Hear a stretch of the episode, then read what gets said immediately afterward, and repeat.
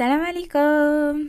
إن شاء الله تكونوا كامل بخير وعلى خير والحلقة تاع نهار اليوم تلقاكم بخير. قبل ما نبداو كيما كل خطرة نرحبوا بالناس الجدد اللي معانا. معكم اسراء podcast with إسراء حصة طلع عليكم كل أسبوع. نتناولوا فيها مواضيع اجتماعية ما تنساوش تتابعوني في الانستغرام podcast with إسرا. وتشوفوا les vidéos اللي جازوا وتخلوا لي رايكم و commentaire واللي عنده أي استفسار يبعث لي في الانستغرام.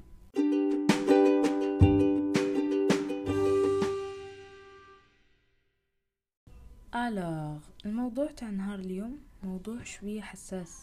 فيه عفايس بزاف منكم ما يعرفوهمش وكامل جزنا على هاد المرحلة. ولا رانا نجوزو بيها ولا حنجوزو عليها. يعني هو أمر طبيعي يصرى لكل واحد فينا. كل واحد بصح كيفاش يجوز عليه؟ واللي هو الاكتئاب ولا ال dépression الاكتئاب هو عبارة عن تراكم ضغوطات نفسية.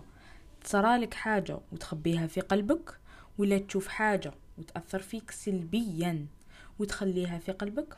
أي حاجة سلبية تصرالك وتخبيها في قلبك راح تتراكم عليك وأنت تولي تلفت لك ما تعرفش وش دير تولي ماشي فاهم روحك أصلا وش بيك. ما تعرفش الحاجة اللي دخلاتك في هذا الاكتئاب. يعني تولي ماشي فاهم روحك. نفسك تولي ما تفهمهاش. الاكتئاب هو عبارة عن مرض يجيب بزاف أمراض من موراه بالك هاد الشخص المكتئب لو كان يطول في هذيك الحالة راح يولي شخص عنده توحد راح يولي شخص مختل عقليا. غير من كثرة التفكير وكيفية مقاومة هاد الحالة اللي راهو فيها. يعني بالمختصر يبقى غير يسي يخرج من هاد الحالة وما يقدرش. وفي نفس الوقت ما يتقبلش نفسه وما يتقبلش الناس اللي دايرين به. يولي يحس كأنه الناس راهم يشفقوا عليه. يحس شغول راهو غايضهم. مالقري تكون حاجة ما كش منها أصلا. يولي شخص موسوس. ويولي عنده رد فعل لا إرادي. من أعراض الاكتئاب الحاجة الأولى تفقد المزاج. يعني كما نقولوا يولي ما عندكش غوستو ما عندك خطر في والو. ثانيا راح تفقد الرغبة تاعك في الحياة وتتخلى على كل حاجة. أي حاجة كنت تديرها راح تسمح فيها. أي حاجة كنت تحبها راح تسمح فيها بكل سهولة. راح تولي عندك اضطرابات في النوم تقدر تولي شخص يرقد بزاف وما يشبعش ولا شخص يرقد ويفطن ما يقدرش يكمل رقادو وينوض بكري وما يقدرش يولي يرقد. إلى آخره. راح تفقد الشهية وراح تختار تبعد على الناس. يعني راح تولي عندك عزلة اجتماعية. ما مولا ريحت في وسط الناس راح تكون شخص حاضر جسديا فقط. الاكتئاب كما قلنا يولي يحس الشخص كأنه خلاص. خلاص يولي يحس آه كأنه خلاص الحياة تحبس تحبس تما. يحس شغل خلاص الدنيا تحبس حبست. دوكا باش نتخلصوا من هذا الاكتئاب الحاجة الأولى هي التقرب إلى الله. صلي صلاتك وأستغفر. ألا بذكر الله تطمئن القلوب. ثانيا حبس هذوك التوقعات والتخيلات اللي راك دير فيهم بينك وبين روحك parce que راك تضر غير في روحك ونفسيتك.